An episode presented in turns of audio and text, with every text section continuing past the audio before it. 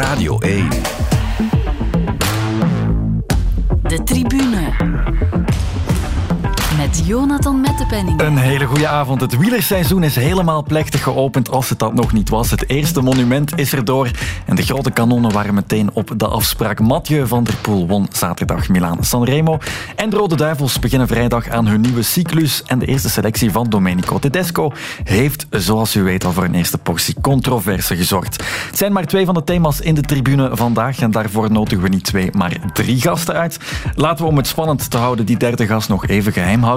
En ik stel u als sportza-collega Christophe van der Goor en voetbalanalist Wim de Koning voor. Dag Christophe, dag Wim. Goedenavond. Dag Jonathan. Christophe, jij was in Italië dit weekend voor de koers. Het worden opnieuw drukke weken voor jou met klassiekers die elkaar snel opvolgen.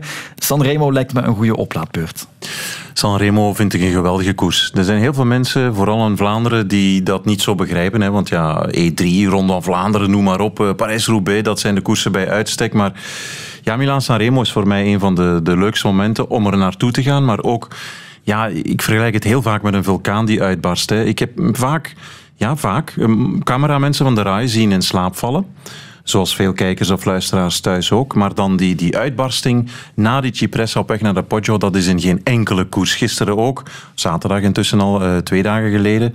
In die twaalf minuten, in dat kwartier. Mm-hmm. Ja, geef toe, dat is toch zo geweldig. Uh, die champagnekurk die daar vanaf knalt van een Prosecco-fles. Uh, er gebeurt zoveel dan in dat kwartier, wat in een andere wedstrijd niet gebeurt. En, en dat in dat uh, decor van de Ligurische kust, uh, de palmbomen, het licht en uh, de lucht die opnieuw helder worden na de winter. Ik vind het een fantastische koers om naar te kijken, verslag vanuit te brengen en naartoe te gaan. Absoluut, Wim. Jij bent in de eerste plaats een voetbalman, maar uiteraard ook fel begaan met het wielrennen. Sanremo wordt inderdaad wel eens gezien als een saaie koers. Hoeveel kilometer voor de streep ben jij voor de televisie gaan zitten? Ik ben gaan fietsen zaterdag, maar ik heb toch gemaakt dat ik de laatste 80 kilometer gezien heb. Ja, want okay. je kon, je kon de hele koers volgen als je wou, hè, op, op Eurosport. Hè. Mm-hmm. gaven ze de volledige koers. Nee, ik heb al de laatste 80 kilometer gezien, maar ja, het is zoals Christophe zegt, hè, vanaf de Cipressa moet je er eigenlijk maar bij zijn. Maar je hoopt of je denkt altijd, misschien is er een keer een ander scenario mogelijk.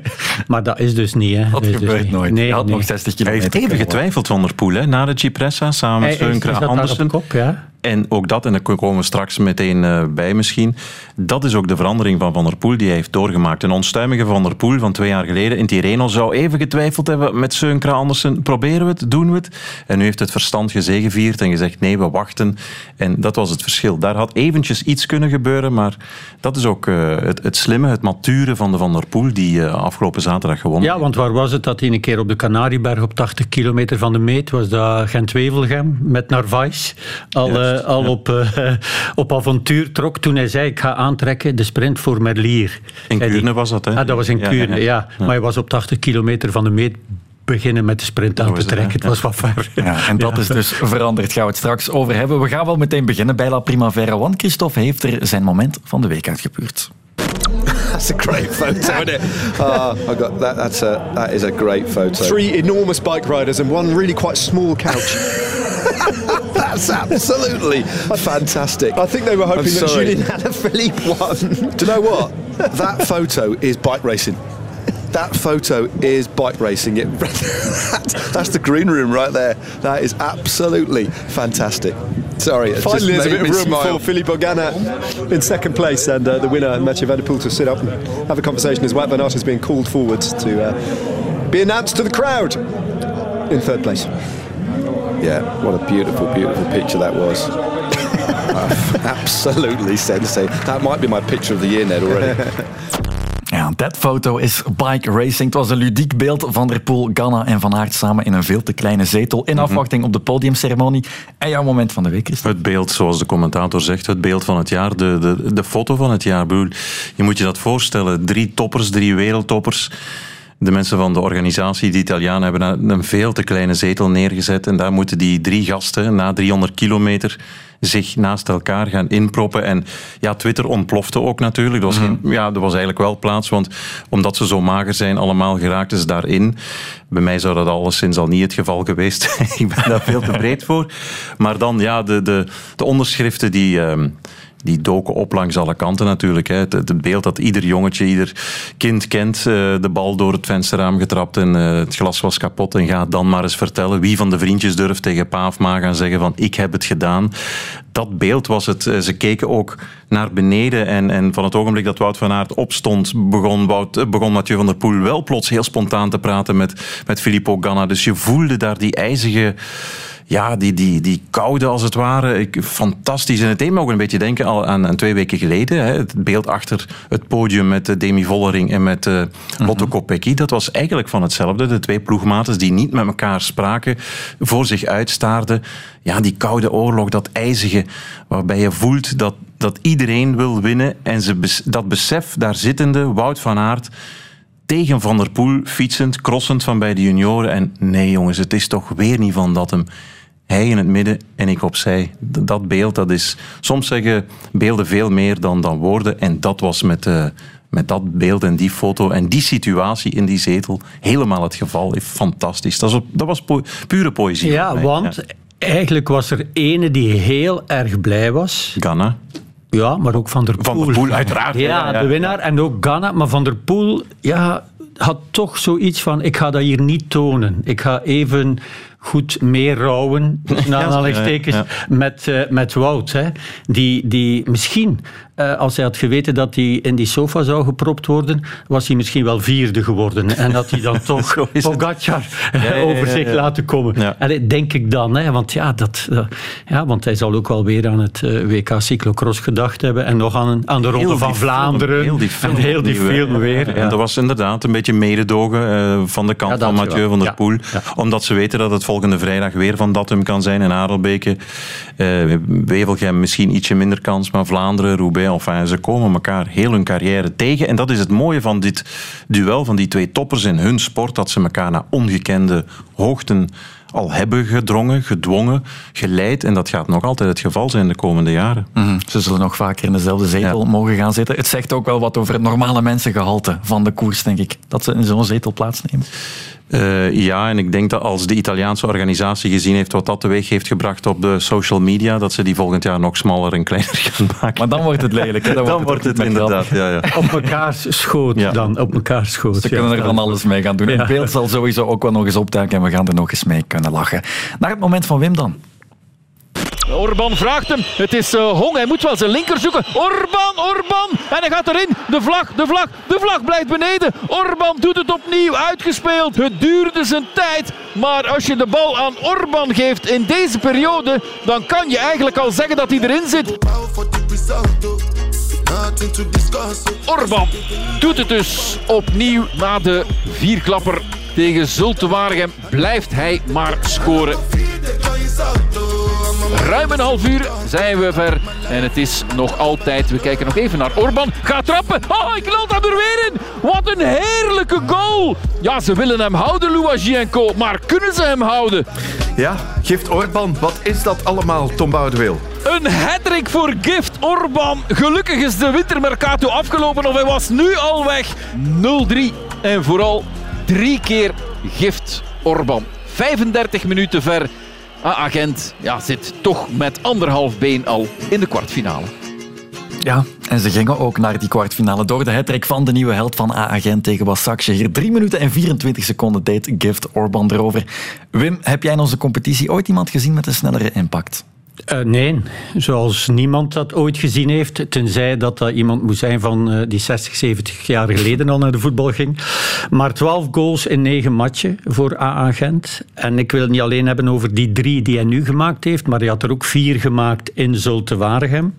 Drie dagen voordien, zondagnamiddag. In de tweede helft. Vier goals op één helft. Dat is ook eh, in België niet, eh, niet zo ehm, gemeen, zoiets. Dus hij maakt ehm, zeven doelpunten binnen de 70 minuten. Na, opeenvolgend. Ja, dat is toch wel uh, ongelooflijk. Hè? Uh, en Hein van Azenbroek die, die, ja, had een collectieve depressie gezien ja. bij zijn spelers. Mm -hmm. Toen uh, Ibrahim Salah verkocht werd de laatste dag van, het, van de wintermercato. bij uitbreiding ook bij heel AA Gent. Want ja, eindelijk is iemand die ja, iets kon forceren. Alhoewel die niet veel scoorde, maar toch. door het ontbreken van Tissoudali hadden ze hem nodig. Maar als je daar dan 6 miljoen voor krijgt en die is zo gekomen na een testbeurt, hè, want daar hadden ze geen geld voor betaald. Mm -hmm. Dus ja, dan moet je die jongen laten gaan. Dus ze hebben dan uiteindelijk nog Gift Orban. Uh, ja, aangeworven. Uh, en ik zei van de week, ja, uh, goed werk van Louwagie, waarop veel supporters zoiets hadden van nee, nee, dat is niet Louwagie, dat is het scoutingsteam. Maar Stabek wou die gift Orban niet verkopen. Mm. Ja? En de vraagprijs was anderhalf miljoen en ze wouden nog wachten tot met de, de zomer. uiteindelijk, Louwagie is zodanig blijven aandringen en als Louwagie iets wil, ja, dan gaat hij er echt helemaal voor. En hebben ze uiteindelijk 3,3 miljoen betaald. Wat dus de vraag opwerpen in Gent van, is dat niet veel te veel? Is dat geen paniekaankoop? Ja, nu blijkt dat hij na deze korte tijd eigenlijk Gent op zijn eentje gereanimeerd heeft. Uh -huh. uh, en zijn goals zijn uh, om ter mooist van makelij. Waarbij je het gevoel hebt, kan dat nog beter? Eigenlijk niet. Als nee. je uh, zijn voet tegen die bal plant, is nu met links of met rechts, ja, dan vliegt hij in de winkelaak. Of komt hij terug van de keeper. Of, ja, alles vliegt binnen. Een beetje zoals bij Haaland. De dag voordien had ik Haaland gezien. In, in City, ja, maar die maakte er vijf in 62 minuten. Ja. En toen zei Guardiola, nu is het genoeg. Dus ja, Orban heeft beter gedaan. Zeven in, in, in twee helften. Uh, en een, terecht, zei Hein van Aasbroek heeft wat schrik dat alle spots blijvend op die Orban gericht is. En als coach vind ik dat ook wel een beetje logisch. Dat hij ja, schrik heeft dat de rest van dat elftal ja, helemaal uit de spotlights verdwijnt. Hè, in de schaduw van die ene man mm-hmm. gaat komen. Heeft ze natuurlijk uh, ja, van een beetje zieltogende ploeg kon je niet zeggen, maar zouden ze play-off 1 spelen? Nee, nooit. Maar met Orban opeens wel. En Tissoudali moet er nu nog bij komen. En dan heb je al precies te veel.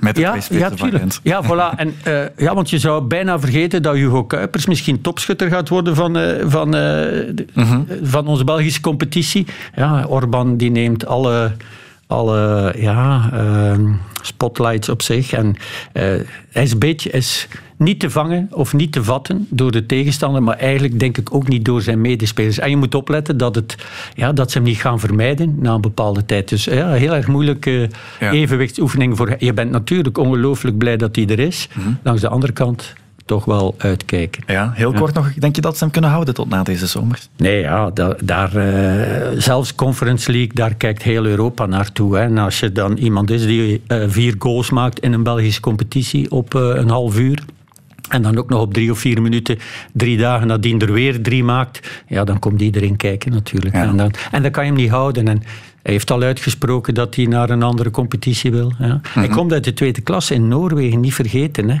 okay, Gent heeft wel een beetje een Noorse connectie. Hauge uh, en uh, Hanke Olsen. Die komen ook van, dat zijn Noren, komen ook van Ginder. Dus misschien hebben ze daar wel wat linken. Maar ja, goed gedaan hè, van Gent uh, dat ze die binnengehaald hebben. Goed gedaan, inderdaad. Ja. Laten we nog zo lang mogelijk van genieten, zolang is kort op onze velden. De tribune. Radio 1. En dan keren we terug naar waar we begonnen zijn, daarnet naar Milaan Sanremo. Eigenlijk kunnen we de koers van vandaag heel makkelijk samenvatten in een paar zinnen. Zoals ieder jaar een vlucht van de dag. Af en toe zat daar in het verleden wel eens een, een Nederlander bij. En die rol is een beetje overgenomen door een Italiaan. Een Italiaan die luistert naar de naam Alessandro Tonelli. Voor het vijfde jaar op een rij zit hij in de vlucht van de dag.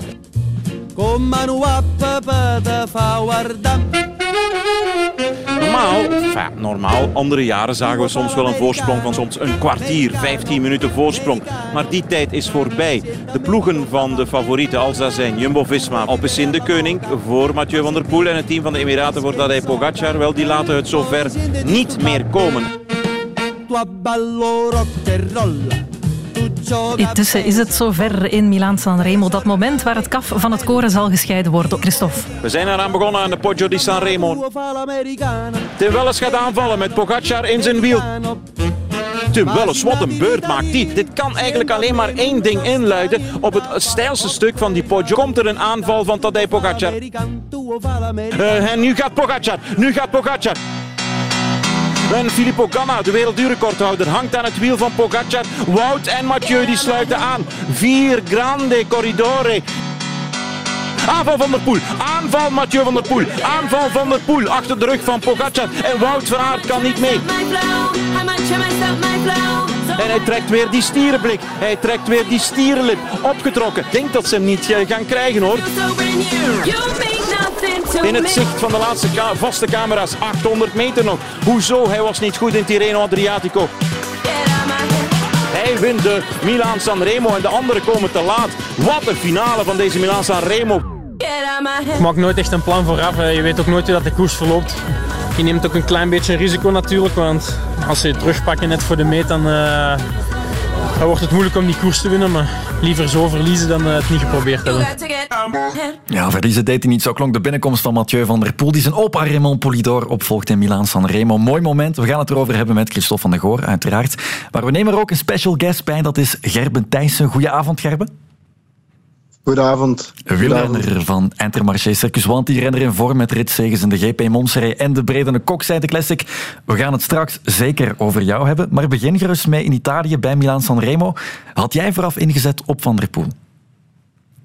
Ja, ik had natuurlijk wel zoiets verwacht. Hè. Als je ziet hoe dat hij in Terreno uh, heel berekend rondreed, eigenlijk ook. Uh, je zag echt wel dat hij aan het voorbereiden was op, uh, op, op een Sanremo dan. Ehm, maar ja, hoe dat hij het ook afmaakt, is, het is echt wel indrukwekkend. ik had Wout ook, allez, ook heel hoog ingeschat, maar dat Van der Poel zo van die mannen kon wegrijden, daar had ik, had ik, had ik zeker niet gedacht. Maar het is echt wel, allez, het bewijst nogmaals wat een indrukwekkende creur dat het eigenlijk is. Hè.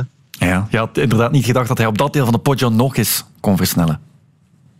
Ja, inderdaad. En eh, als je ziet, uh, Pogacar die, die legt er echt wel een moordend tempo op. Allee, de volledige ploeg van UAE eigenlijk. Uh, ik heb nog wattages ook gehoord via via van, uh, allee, van Binyam en van de ploegmaat wat ze daar hebben moeten duwen. Mm Eigenlijk om gewoon het peloton te volgen en dan rijden die mannen er nog eens van weg. En dan, ja, dan haalt Van der Poel eigenlijk, allee, maakt hij nog, doet hij nog zo zijn een aanval dat eigenlijk echt wel lijkt een beetje op die aanval ik en dat een deed in Strade Bianchi. Dus ja, het is echt wel, het is echt indrukwekkend hoe explosief dat hij nog, uh, nog sprint op zo'n klim eigenlijk om uh, van de rest weg te rijden. Ja. ja, heel straf inderdaad. Vooraf zeggen ze het steeds maar weer. Christophe, ook Pogacar, die, die Poggio is eigenlijk niet stijl of lang genoeg om echt een verschil te maken. Begrijpelijk, maar toch weer de scherprechter.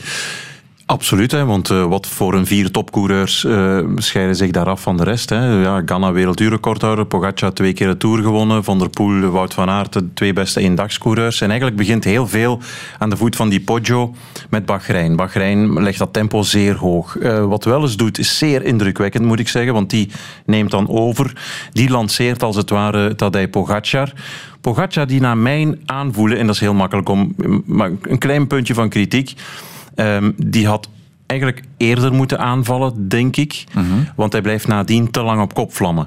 Hij maakt wel een gat. Uh, van Aert uh, moet ook een gaatje dichtrijden. Daar doet Van der Poel het zeer slim, want die glijdt mee in vierde positie. Hè, nadat Matteo Trentin het gat had laten vallen. Dat was ook uh, zeer snugger van de mannen van de Emiraten.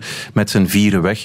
Pogacar, winnaar. De andere ook een winnaar, winnaarstype. Die willen zo graag. Die blijft maar doorvlammen. Van der Poel blijft kijken in vierde positie en wacht zijn moment af op basis van zijn ervaring. En dan, Van Aert heeft ook na de koers gezegd: Ik zat tegen mijn limiet. Ik was echt naar die telefooncel aan het kijken naar de top. Dat bewijst dat ze echt wel aan hun limiet zaten. En Pogacar en Ganna, die al blij was dat hij daarbij zat met zijn vele kilo's. En op dat ogenblik, wanneer die drie echt op hun limiet, misschien er net over zitten, komt Van der Poel met een snelheid over die mannen heen. En wat is nu eenmaal talent? Um, ja, Wim, jij koerst ook. Oh, heb je koerst? Wat is eh, op dat allerhoogste niveau talent? Dat is kunnen hard fietsen, dat kunnen ze allemaal. Maar vooral heel, heel, heel hard fietsen.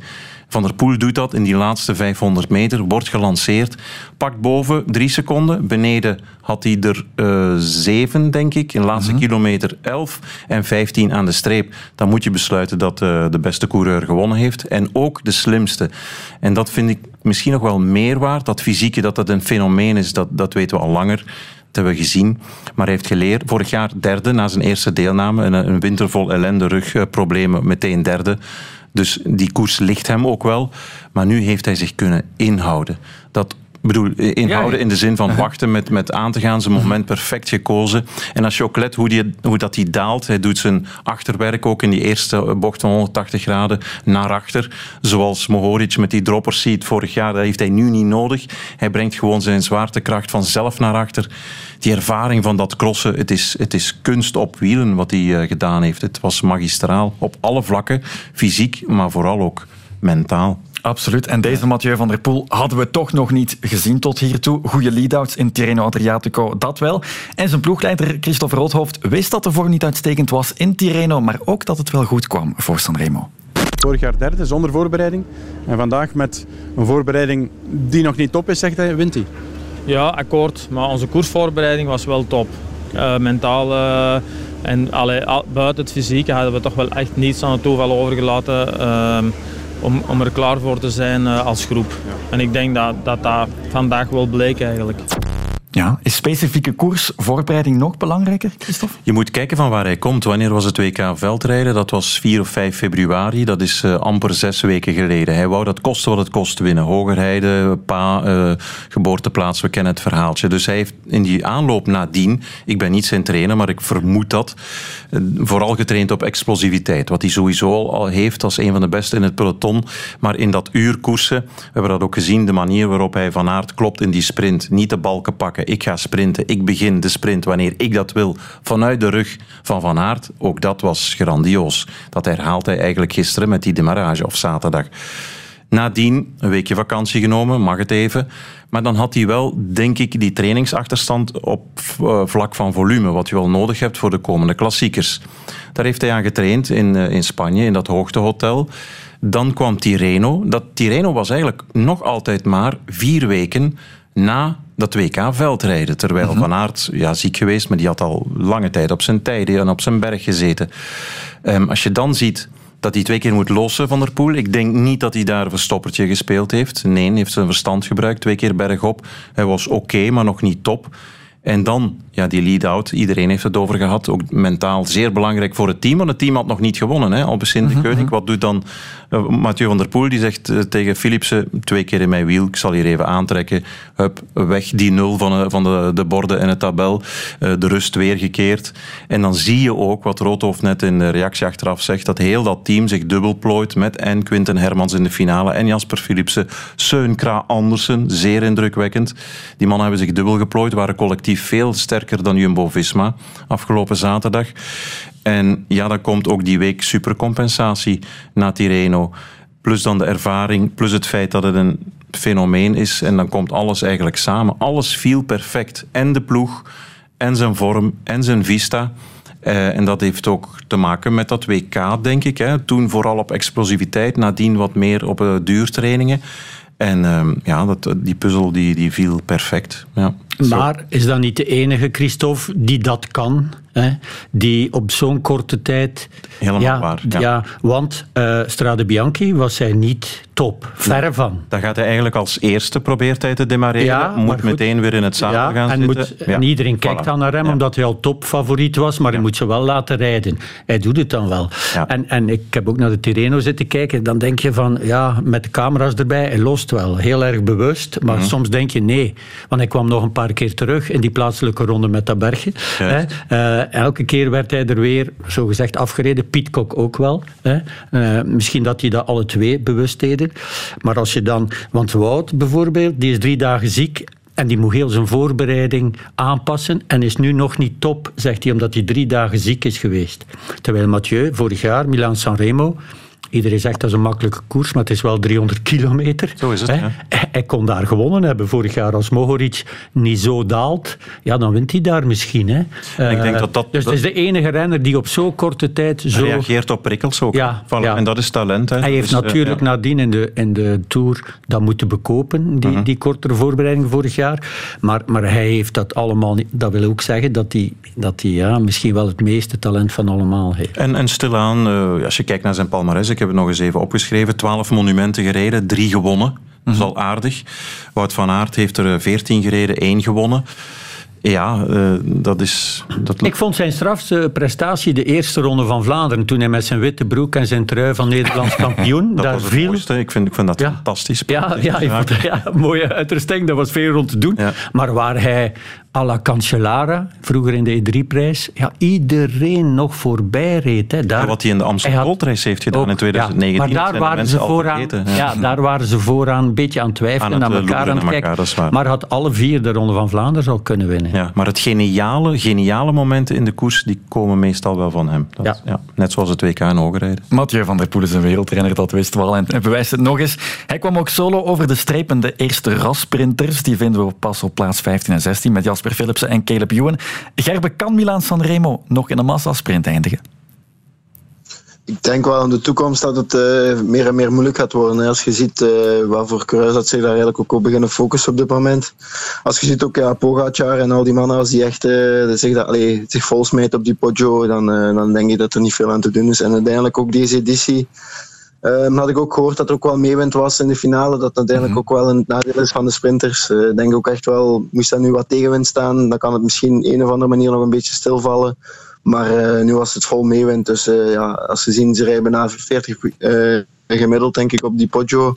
Dus ja, dat is echt genoeg. Ik bedoel, ik um, denk niet dat dat echt voor echte rasprinters mogelijk is. Maar dat neemt niet weg, denk ik, dat Jasper Philipsen dat misschien wel in de toekomst wel nog kan. Maar denk ik, zo echte rasprinters, dat het zeer moeilijk gaat worden. Ja. Nee, er zijn te veel stakeholders, denk ik, die uh, een sprint echt niet willen zien gebeuren. Er is een logische verklaring. Ja, natuurlijk. En ook uh, als je ziet wat voor soort coureurs dat er starten, uh, ja, het is gewoon meer en meer. Allee, like vroeger was dat nog af en toe een keer een massasprint. Allee, in een tijd met Zabel en zo was dat een massasprint van 80, 90 renners. Maar dat is denk ik echt wel verleden tijd. Het is ook gewoon veel specifieker aan het worden. En iedereen heeft zijn eigen specialiteit. En ik denk wel dat het meer en meer aan, aan het toeleunen is naar echt wel allee, echt een voorjaarskoers, echt een, uh, ja, een lastige finale. Ik denk wel echt gewoon de sterke, de sterke mannen kunnen dat wel overleven, maar niet echt uh, de echte sprinters denk ik niet meer. Nee. nee. Wout van Aert werd uiteindelijk derde. Hij mocht mee plaatsnemen op dat komische bankje. Christophe, net zoals Filippo Ganna, mogen we toch een beetje verrassend noemen, denk ik. Ja, um, maar als je dan weer in detail gaat kijken, Filippo Ganna, wereldduurrecordhouder, uh, achtervolger, hè, meerdere titels, wereldkampioen op de achtervolging. Wat is de tijd van een achtervolging? Een viertal minuten. Of zelfs minder tegenwoordig. Wat is de inspanning op de Poggio? 5 minuten 40. Ze hebben dat record gebroken, dus zo helemaal verrassend. Um, als je naar de details, de fysieke details gaat kijken, mag dat niet zijn dat hij daar voor het grote publiek bij zit. Ja, je verwacht daar eerder een Pitcock mocht hij hebben deelgenomen of een Kwiatkowski in zijn goede tijden van team Ineos. Daar ben ik het mee eens. Dus ik, ik begrijp wel um, de insteek om dat uh, lelijke woord te gebruiken van, jou, uh, van jouw vraag. Maar die man die gaan we nog veel meer terugzien in klassiekers. Die gaat ook Parijs-Roubaix nog winnen volgens en mij. Daar heeft hij opnieuw een groot doel van gemaakt. Net zoals vorig jaar eigenlijk al. Ja, en, en Wout van Aert verwacht ik daar ook. Want zoals Wim net zei, hè, dat, dat percentje dat hij ziek is geweest, uh, dat gaat hem misschien nog goed uitkomen, als je het zo mag zeggen. Want ja, een, een renner of een sporter toekoer is niet graag ziek, want dan, dan ga je twijfelen, dat voelt niet goed aan. Maar uh, in Parijs-Roubaix verwacht ik dat uh, Wout van Aert, een wedstrijd die hem misschien nog ietsje beter ligt dan de Ronde van Vlaanderen, is dat topkandidaat nummer één. Want Ghana heeft hij nog Parijs-Roubaix gewonnen bij de belofte. Bij, bij, bij de jeugd, ja, absoluut. Bij de jeugd, ja. maar en vorig jaar imponeerde hij in Parijs-Roubaix geweldig, tot hij opeens helemaal wegzakte. Maar ja, je weet nooit wat er gebeurt natuurlijk. Mm -hmm. Je kan niet alles zien in zo'n Parijs-Roubaix, maar op een gegeven moment, uh, al ver van de meet, ja, was hij daar zeer imposant. Dat je ja. dacht van hier zal moeilijk tegen te winnen zijn. En al even geen tijdritten meer gewonnen, uh, denk ik, ja. als ik het vanuit mijn hoofd goed kan uh, onthouden. Dus hij is ook stilaan bezig aan die omschakeling. Ook een man die zegt van ik, ik heb dat en dat al gerealiseerd in tijdritten, wereldkampioen Tirreno tijdrit gewonnen? Nee, proloog, 11 kilometer. Voilà, nu ja, wel. ja. En dan ga ik mij meer en meer focussen op, op het klassieke werk, om ook allround coureur te worden. Mm -hmm. Binnen het team waar ze ook op meerdere paarden kunnen wedden, met een Pitcock die in dezelfde finales, enfin, sommige koersen gaat zitten. Um, dus ja, dat is ook, als je die man ook ziet, dat is gewoon een beeldhouwwerk op een fiets en een fantastische coureur. En als je die tijden kan neerzetten, zoals José de Kouwer altijd zegt, achtervolgers zijn gewoon de mannen met de grote motoren. Je pikt ze er allemaal uit en dat, dat talent blijft niet onontgonnen. Dat moet op een dag naar boven komen. En dat is met Ghana nu helemaal ook aan het gebeuren in het klassieke werk. Ja, en het verlekkert inderdaad op de rest van de klassiekers. Het eerste monument van het jaar zit erop. En het is er eentje voor Mathieu van der Poel en Alpecin de Koning. Radio 1. De tribune. Dat voor Milaan Sanremo. We hebben natuurlijk een hoofdrolspeler uit het peloton van de laatste weken aan de lijn hangen. U kent hem misschien wel. Nu eerst naar Roeslaar bij Eddy Botteldoorne voor uh, ja, de massaspurt, denk ik, zal het worden. Hè, de grote prijs Champion Monsterie. De spurters die komen stilaan naar voren. Nog altijd Hofstetter die daar ook in het wiel zit van uh, Caleb Ewan. Caleb Ewan die in de laatste 100 meter aan de leiding gaat. En Hofstetter die daar nu naast komt. En wie gaat het uiteindelijk halen? Ja, Caleb haalt het uh, voor uh, Herbe Thijssen en uh, meteen een... Eddie, we hadden daarnet Caleb Ewan als winnaar gezien, maar er bleef maar gekeken worden naar die foto van de finish. Het was super nipt. En is het nu nog veranderd of hoe zit het nu eigenlijk? Het is uiteindelijk Gerben Thijssen na minutenlang kijken. Gerben, gewint. Ik win. Yes! Yes, boys. Yes, yes, yes, yes. Waar zit Tim Merlier? Die moet het zelf gaan zoeken, maar die zit heel ver. Dat kan niet meer. Merlier zet zich stil, zet zich neer. Molano of Akkerman? Akkerman voor zijn derde, Akkerman voor zijn derde. Of kan Thijssen daar nog overkomen? Thijssen met de jump of Akkerman? Thijssen of Akkerman? Het is Thijssen, denk ik. Ja, ik denk het. Thijssen helemaal op de streep. Helemaal op de streep. Gerbe Thijssen, het was niet grote prijs Monster. Je nipt, maar het school weer niet veel. Hè. Wist je onmiddellijk dat je gewonnen had? Ja, nu was het wel duidelijk, denk ik. Het verschil... Uh, die, uh, die Molano die trok echt ongelooflijk hard aan. En uh, toen had ik echt moeten skarten, allee, moeten, moeten weten om Akkerman zijn wiel te houden. En toen uh, ging Pascal aan en toen zei ik, ja, is het dit al? Ik bedoel, toen dacht ik in mijn eigen, van denk dat ik hier nog wel over kan. Al die frustratie eruit van al die, allee, al die commentaar over die overwinning, van win ik of win ik niet. En het is allemaal bullshit. Ik bedoel, vandaag toon ik hier gewoon dat ik weer kan winnen. En uh, als hier gewoon een dikke middelvinger naar de rest toe van, hier ben ik. En het is mijn tweede overwinning dit seizoen en het is echt fantastisch.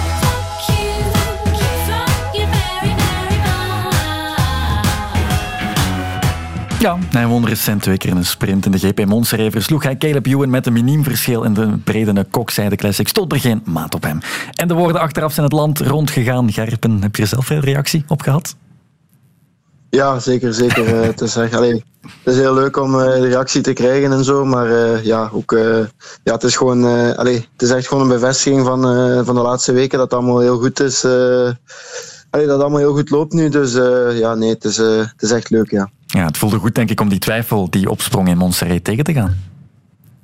Ja, zeker. Het was ook echt wel. Allee, ik heb bewust ook uh, nooit geen antwoord gegeven, omdat ik ook niet in de positie ben eigenlijk om een, uh, om een reactie te geven. Dus uh, nee, um, ik, allee, ik geloof nog altijd in de fotofinish van de, van de jury daar. Mm -hmm. En ja, het is gewoon echt leuk om gewoon te kunnen bevestigen, niet via Twitter of niet via Instagram. Like, allee, gewoon met de benen en uh, dat vind ik gewoon het, uh, het leukste van allemaal. Ja, ja je hebt absoluut bevestigd in die Brede Kokzijde Classic. Um, er is inderdaad voldoende commotie geweest over die fotofinish. Daar bestaat nog altijd geen grote bevestiging over. Christophe, jij hebt is je oor te luisteren gelegd bij de mensen die zich daarover kunnen. Ja, het is een moeilijke discussie. Hè. Het is ook uh, zoals in de Amstel Gold Race een paar jaar geleden tussen uh, Wout van Aert en, en Tom Pitcock.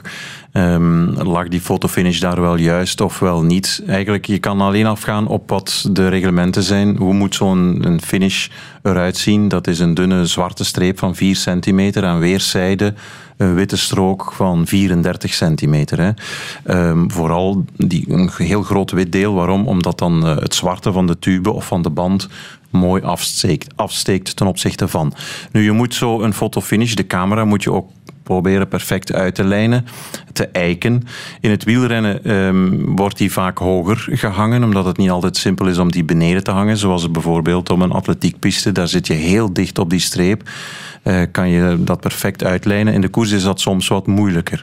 Nu in Montserrat um, zag je duidelijk, en ik heb daar commentaar ook gegeven uh, voor televisie, die mat, die aankomstmat, had heel veel donkere accenten. Het was eigenlijk een, bijna een donkere zwarte mat in plaats van wit. Dat was niet zoveel wit te zien en die lag door het overschrijden van het peloton een paar keer, want dat waren lokale ronden, is die mat, ik heb dat gezien, toen ze in het begin van de namiddag van de dag die mat hebben gelegd, lag die heel mooi recht, maar omdat auto's en het peloton daaroverheen reden, was een beetje verschoven uh -huh. en dat was niet uh, kaarsrecht. Dan krijg je het probleem van het uitlijnen. Um, Joen over de streep, uh, ik denk zelfs ook, Gerben, verbeter mij, maar ik zag in het uitlopen dat de twee sprinters niet meteen duidelijk voelden van wie heeft nu gewonnen. En als een één coureur één ras van, van renners het wel degelijk voelt wanneer ze kunnen winnen, dan zijn het de sprinters wel. Nadien um, in het jurywagentje van, van de West-Vlaamse uh, mensen van de Wielersbond die de fotofinish eigenlijk regelden, ben ik ook gaan kijken op de laptop. Samen met Nicolaas Maas die daar verhaal kwam vragen. Nicolaas Maas, de ploegleider van, uh, van. Ja, dan ontstond er een beetje een discussie, omdat de achtergrond van de banden, van de tubes, uh, vooral ja, de eerste twee fietsen, was vrij donker. En dat was je, je ziet het wel, maar het is moeilijk om te zien. Uh, dus er was te weinig witte achtergrond. En dan ontstaat discussie natuurlijk. En dat is jammer. Dat is jammer. En dat is ook een. Ja, daar kunnen de coureurs absoluut niks aan doen. Maar dat is vooral een vraag voor uniformiteit en goede camera's en eenduidigheid bij de de mensen van, van de organisatie en de wedstrijdleiding die dat, uh, die dat doen. In de Tour de France bijvoorbeeld heb ik dat nog nooit meegemaakt dat er een probleem is. Waarom? Omdat je ziet, s ochtends, zelfs wanneer het regent, mm-hmm. Jonathan, dan zijn ze daar met branders de weg aan het droog branden om dat perfect te kunnen spuiten met een, een mal, een tekening, die ze afplakken tot op de millimeter en dan wordt dat geverfd en gespoten. Nooit discussie. En eigenlijk moet de UCI en ook andere wielerbonden, die moeten daar zich heel duidelijk van uh, op bewust zijn. Waarom? Omdat er geld, status, alles hangt daaraan vast. Wieler, UCI-punten, dat is heel belangrijk Absoluut. voor die mannen. Dus moet dat duidelijk zijn. En geen mat die kan verschuiven of die kan kronkelen omdat we daar gaan mm-hmm. overrijden dat, dat is eigenlijk de basisconclusie van dat hele feit. En daar kan Gerben Thijssen niks aan doen en Caleb Ewan evenmin. Het is jammer. En hij heeft, uh, ja, hij heeft een beetje goede reclame voor zichzelf gezorgd, hè Gerben? Met uh, een goede uitspraak, een beetje adrenaline erbij voor de sprinters. Dat, dat mag, je.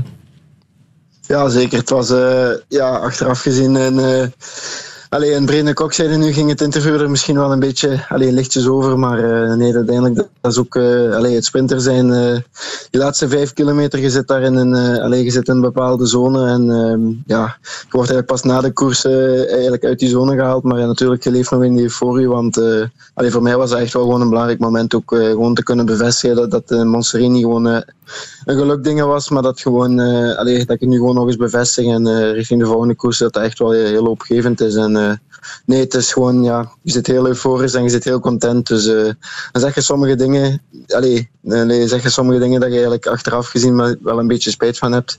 En dat is ook het, hetgeen dat ik dit jaar ook aan het leren ben en de vorige jaren ook. Um, je leert de finales meer en meer kennen, je leert de finales rijden, je leert de sprints uh, meer en meer kennen, maar uh, uiteindelijk de media leert je ook kennen. En uh, het was gewoon een domme, een domme uitspraak van mij, maar ehm, ja. Het, het, allee, ik, het, is het probleem soms van mezelf is denk ik dat ik uh, te, te, eerlijk ben en uh, ja, te veel zeg hoe dat het... Uh, hard op de tong, maar je moet er helemaal geen het, spijt van hebben, vind ik. Want als iedereen maar zegt dat het altijd dankzij het collectief is, dat, dat schieten we ook niet mee op. Mm -hmm. Ik zou het gewoon tot slot ja, een beetje breder willen trekken. In zijn geval, na zijn val in, in de Zesdaagse van Gent een paar jaar geleden, heeft die jongen alles opnieuw moeten leren. Leren stappen, bij manier van spreken. En als je ziet waar hij nu staat, ik heb daar heel veel respect voor. Dat bewijst ook hoe sterk dat hij in zijn hoofd is. Wou vorig jaar in de Ronde van Spanje al bewijzen dat hij het kon. Valt dan in de Nederlandse etappes, holt achter de feiten aan, moet opgeven. Uh, heel ontgoocheld. Daar gaat een winter overheen. Je voelt toch dat ploegleiders zeggen, ja, dit jaar moet toch wel eens het jaar van Gerben Thijssen gaan worden. Die druk, je voelt dat, ook al wordt dat niet echt uitgesproken. En dan kan je winnen. En win maar eens een koers, zoals de Kouwer altijd zegt. En hij heeft er nu twee gewonnen. Van waar hij komt ja, dat vind ik chapeau, zeg ik dan wel. Dan heb je een goede kop. Um, en dat is heel belangrijk. En dan mag je af en toe wel eens een uh, opvallend interview geven. Why not? ik uh, ga helemaal akkoord. Uh, Gerben, we lezen nu overal. België heeft er plots een nieuwe topsprinter bij. Zie jij jezelf ook zo? Ja, denk ik wel. Uh, allee, ik heb nu een UAE-tour in, uh, in, de Emiraten. Heb ik echt wel lessen gehad. Ook, uh, allee, dat het niveau natuurlijk van de echte topsprinters dat er wel nog iets hoger ligt. Maar allee, ik zeg altijd dat ik op de goede weg ben en dat we stap voor stap blijven groeien. allee, topsprinter zijn is niet alleen de snelheid hebben of niet alleen de wattage hebben. Wat ik, wat ik zeker denk dat ik die heb. Maar uh, het is nu ook nog gewoon uh, op de juiste moment, moment het juiste doen. En uh, het wiel van de lead-out kunnen volgen. En gewoon leren uit elke sprint. En dat gaat stap voor stap beter. En dat is ook gewoon een heel leerproces. Daarmee dat ook, allee, dat bij mij ook wel iets langer heeft geduurd in mijn, in mijn carrière. Maar -huh. ik ben blij dat het nu eindelijk in een versnellende vorm aan het gaan is. En ja, het is gewoon heel goed en heel leuk hoe dat het nu allemaal loopt. Ja, ja en eindelijk, je bent nog maar 24 denk ik hè? Ja, inderdaad. En uiteindelijk tegenwoordig, als al die jongens komen van de belofte, die komen naar de profs en ze gaan beginnen direct koersen te winnen. Terwijl het totaal niet zo evident is. Hè. Ik bedoel, het niveau is super hoog. Uh, ja, het is gewoon, het, niveau is heel moeilijk en zeker in de sprints, eh, je, moet echt, allee, je moet het echt leren kennen en je moet het allemaal eh, leren aanvoelen. En eh, ik denk ook wel dat het nu eigenlijk is het moment in mijn carrière dat ik echt wel heel veel progressie maak. En eh, denk ik hoop gewoon dat het zo verder loopt, maar eh, ja, ik denk ook zeker dat dat... Ik hoop dat dat ook mijn toekomst is, eh, dat ik ooit een topsprinter kan worden, ja. Ja, en wat zijn de volgende doelen nu in de nabije toekomst? In de nabije toekomst, eh, ik begin nu, overmorgen begin ik dan in de, de pannen, dus in een wereldtourwedstrijd.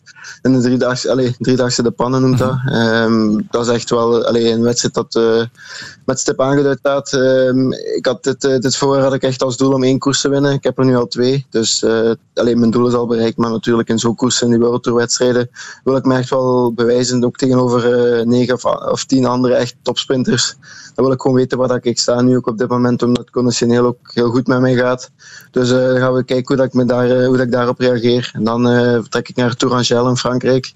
En dan nog een Adelie pak ik nog mee. En dan de Scheldeprijs en dan gaat de riem even af. Maar ehm, ja, de koersen dat nu nog aankomen zijn nog allee, vier, vier kansen voor mij. Dus ja, ik kijk er echt wel enorm naar uit. Ja, en Gent-Wevelgem, daar hoop je ook nog op, heb ik eh, gelezen. Sta je voorlopig niet op de lijst, maar je hoopt al op een selectie. Ja, momenteel eh, is dat zo niet gepland. Allee, Aiken is echt een man van eh, principes. eh Aiken Visbeek dan bij ons in de ploeg. En als hij een plan heeft in zijn hoofd, dan, dan is het niet, niet makkelijk om het om te leiden. Maar ja, nee. We, zijn er, we hebben er lang over gebabbeld, maar we denken dat het nog een jaartje te vroeg is. Maar ik denk wel zeker dat het in de toekomst echt wel moet lukken. En Aiken is er zelf ook van overtuigd. Maar nu dit jaar is het echt gewoon volle focus op Binyam. En alleen naar hem toe zou het ook gewoon niet goed zijn dat ik dat direct langs hem ga staan in de selectie. Dus nee, ik denk wel dat dat iets is voor de volgende jaren. En ook eh, nu dat ik in Breden ook bergop reed op de Kemmelberg en zo, dat is, echt wel hoopgevend voor de toekomst. Want eh, ik had zelf ook niet verwacht dat het eigenlijk eh, zo goed ging gaan op die Kemmelberg. Dus ja, dat is echt wel een teken dat de conditie echt goed is. En dat ik dat zeker in de toekomst wel moet kunnen zo koersen. Absoluut. En het is nu een zijsprong, maar dubbel succes bij jullie thuis. Want ook je vriendin Charlie Bossuit won gisteren de laatste etappe in de Ronde van Normandië. Haar eerste profzegen, ook op, op de weg. Mooi om te delen, denk ik. Ja, echt fantastisch. Hè. Ze wint dan ook in een massasprint. Dus eh, ja, dat is echt gewoon... eh, dat is fantastisch. Hè. Ik bedoel, ja, dat is ook wint. eh, allee, ik geef haar wel af en toe wel veel tips dat, eh, allee, dat ze gewoon moet aangaan, dat ze geen schrik moet hebben. Maar ik, ik weet dat ik zelf was ook eh, een paar jaar geleden, dat ik ook heel veel bang heb en zo. En eh, terwijl zij... Allee, ik ken haar capaciteit, ik weet wat zij kan. Dus eh, nee, dus eh, moest, ik, moest ik haar benen hebben, had ik er misschien wel wat meer gewonnen. Maar nee, het is gewoon...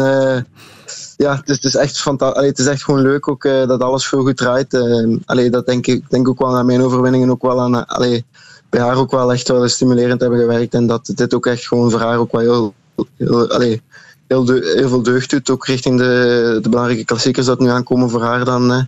zij dat eh, ook de pannen en daarna ook Gent-Wevelgem en Ronde van Vlaanderen. Dus eh, zij heeft ook wel heel, een heel belangrijk blok nu dat eraan komt. En ik denk een overwinning, het maakt niet uit in welke koers, dat dat gewoon echt hoop allee, leuk is en gewoon u dikke moraal geeft voor de volgende koersen. het is gewoon een heel leuk gevoel de dag.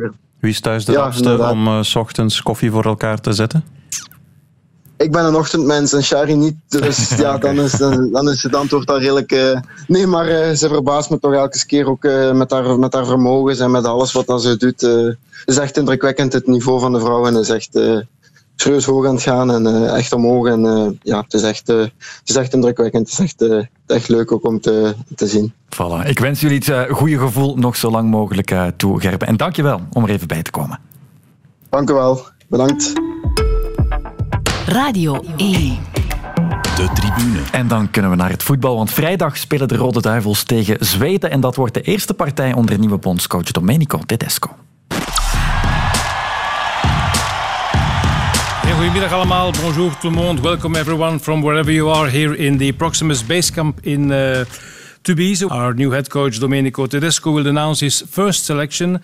Yeah, thank you very much, uh, Stefan, for the introduction. And I would like to start with uh, the names Sebastian Bournau, Yannick Carrasco, Timothy Castagne, Thibaut Courtois, Kevin De Bruyne. There was a lot of speculation beforehand about the two players, two Belgian players of, of Genk who are doing uh, really well, uh, Brian Hein and, and uh, Trezor. You haven't included them in the squad. Why? Yeah, the first reason is that the squad is very small. Um, of course, if uh, we we call more players, the possibility is there that they are inside the squad. I mean, we have um, with Yannick Carrasco, with uh, Leandro Trossard, for example, just to tell you two players on a very high level playing with, uh, with big teams. Ik sta bij de technisch directeur van Racing Genk, Dimitri de Condé. Jullie zijn erg geschrokken. Ja, geschrokken en, uh, en eigenlijk heel ontgoocheld. Hè. Dus uh, we hadden meer verwacht. We hadden wel gehoopt dat er nu jongens van Genk konden aanpikken. En, uh, en dat gebeurt dan niet voor de zoveelste keer. destijds ook een dossier gehad met Leandro Trossard in Genk. Dat lukte ook niet. En uh, door duur ga je wel afvragen dan als, als clubman of als clubspeler. Van, als je in Genk speelt, kan je dan wel het nationale team halen. En, en eigenlijk zou dat wel moeten zijn als je, als je het goed doet. Ja, de nieuwe bondscoach werd meteen onder vuur genomen. U hoorde Dimitri de Condé op het einde technisch directeur van Racing Genk, die het niet kunnen vindt dat zowel Brian Heijnen als Mike Tresor over het hoofd werden gezien. Hadden ze erbij moeten zijn, Wim? Goh, hij legt het uit, hè. zeker in het geval van uh, Tresor, van Mike Tresor. Hij zegt van uh, Carrasco en Trossard, die spelen op die positie zo wat linker wingback, hè, als hij met drie achterin gaat spelen. Carrasco heeft wat dat betreft al heel wat interlands achter zijn naam. En Trossard ja, doet het heel goed in Absoluut, de top in Engeland. Uh, zou hij daar een derde man kunnen halen hebben? Ja, misschien wel. Want hij zou dan misschien ook wel met Trossard naar rechts kunnen. Wat Martinez ook nog wel gedaan heeft. Of als tweede spits. Uh, dus, maar hij ziet die twee echt wel als concurrenten van, van uh, Tresor van Mike Tresor of Tresor van hen. En dan vindt hij dat, dat, ze dat hij tekort komt. Tresor heeft natuurlijk geweldige statistieken, ook te danken aan Onuwachu. Mm Statistieken verminderen wel. Statistieken van Genk verminderen nu Onuwachu niet, niet, er niet meer is. Hè. Wat is het, 10 op 24 zonder Onuwachu? Iedereen zegt wel 6 op 18. Maar voordien was het, waren er ook al twee matchen zonder uh. En ja, dat, dat werkt natuurlijk. Hè. Je kan maar heel veel assists hebben als je een goede spits hebt om ze af te maken. Brian Heijnen, ja, die zit dan in concurrentie met Lavia, met Mangala, met Onana met Dennis praat. En dan denk ik, zoals hij nu speelt en de Belgische competitie een klein beetje naar waarde schatten, dan zou hij misschien toch wel Heinen in plaats van Praat kunnen oproepen hebben. Mm Praat veel op de bank in Leicester. Ja, uh, ja, na zijn gouden schoen nimmer de Praat geweest die wij hier kenden. Hè. En die gouden schoen is lang geleden. Ja, dat is lang geleden. maar, maar ja, waarmee ik wil zeggen, daar is mhm. stilstand geweest. Oké, okay, Heinen is ook niet meer de allerjongste. Is ook al ondertussen een jaar of 5, 26. Maar is wel kapitein van Dat het zo geweldig doet. En heeft ook geweldig gespeeld al dit seizoen. Ook in wedstrijden die ze dan niet winnen. Uh, en ik kan me wel voorstellen dat daar een hele grote ontgoocheling is. Want, zoals hij zegt, bij Trossard... Ja, het was ook niet voldoende als hij bij Genk speelde. En als hij dan vertrekt Oké, okay, hij zal nog wel gebeterd zijn door in een betere competitie te spelen en met betere spelers omringd te zijn. Maar wat hij toen liet zien in Genk was ook al van heel hoog niveau. Maar er was geen sprake van om Trossard erbij te pakken in de nationale ploeg.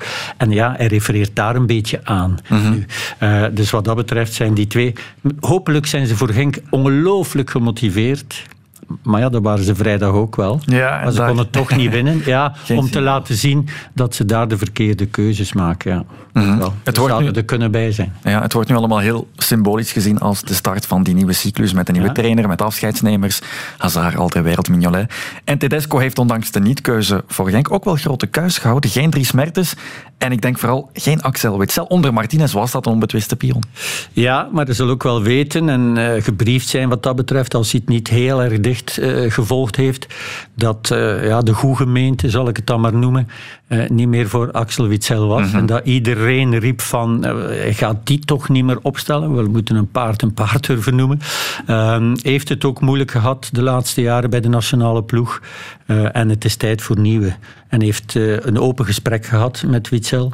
En gezegd van kijk, je, je hebt geen plaats meer in dit nationale elftal, dus ik zal je ook niet oproepen. Heeft dan natuurlijk, ja, dat zijn wel honderd en zoveel interlands, eh, niet vergeten. Ja. ja. we zijn met Alderwereld uh, ook uh, heel veel uh, ervaring kwijt. Hè. we hebben nog wel Courtois, we hebben nog Jan Vertongen, die zijn tweede jeugd beleeft in Anderlecht. ja, en die niet van plan is om hetzelfde te doen als die mannen. Um, en we hebben ja, Kevin De Bruyne en Lukaku, die as is er nog wel. Uh, en maar ja, het zal aan de jongeren zijn. Het is, er is niet bewust gekozen voor jongeren, maar wel voor kwaliteit, zegt men dan. En ja, Lavia is heel erg jong. Mangala zat al een tijdje te duwen om erbij te zijn. Onana, die zegt zelf van ja, ik ben uh, de nieuwe man daar centraal op het middenveld. Dat heb je wel nodig. Absoluut. Ja, die mentaliteit. Dus uh, ja, we hebben wel iets. Alleen, um, ja, het is een zware opgave voor Tedesco. Ze gaan zich nog wel kwalificeren voor het EK, dat is zeker. Want de eerste twee van elke groep gaan door. Dan moet je wel bij zijn als je uh, Zweden, Oostenrijk, Azerbeidzjan en Estland bekampt. Mm -hmm. Maar Zweden wordt al een zware opgave in Zweden. Uh, heel ervaren ploeg, niet makkelijk uh, om tegen te voetballen. Met ja, uh, een nieuwe coach, nieuwe spelers. Ja, het wordt toch heel erg belangrijk. Courtois zal top moeten zijn, Kevin De Bruyne zal top moeten zijn. Zoals hij nu weer top is in, in City. Ja, een tijdje weg geweest na het WK. En hij was tijdens het WK ook geen top. Mm -hmm. Maar ja, het, hij, zal, hij zal wel de leider moeten worden van, de, van dit uh, nieuwe nationale ploeg.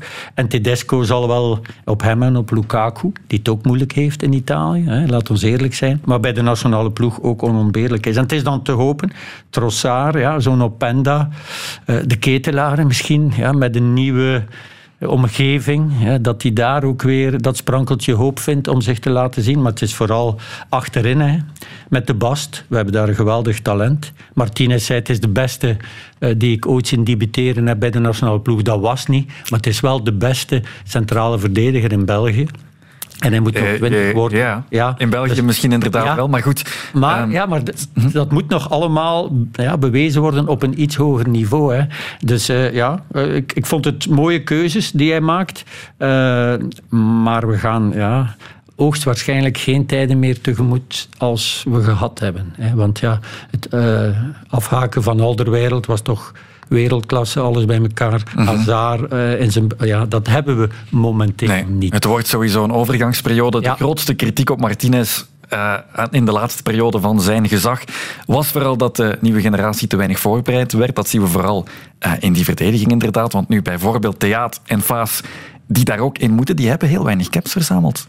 Zij moeten het toch gaan doen, naast Jan Vertongen, die wel nog overblijft. Ja, ja tuurlijk. Uh, hij is blijven uh, vasthaken aan, aan zijn geëikte drie daar achterin. Hè. Zelfs als compagnie wegviel. Ja, jonge mensen hebben maar... Bornau heeft dus wat uh, kansen gehad.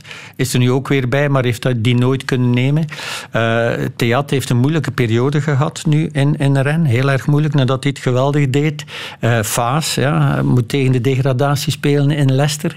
Ja, dat is allemaal niet Dat zijn jongens die zeer degelijk zijn en ook in grotere competities al aantreden.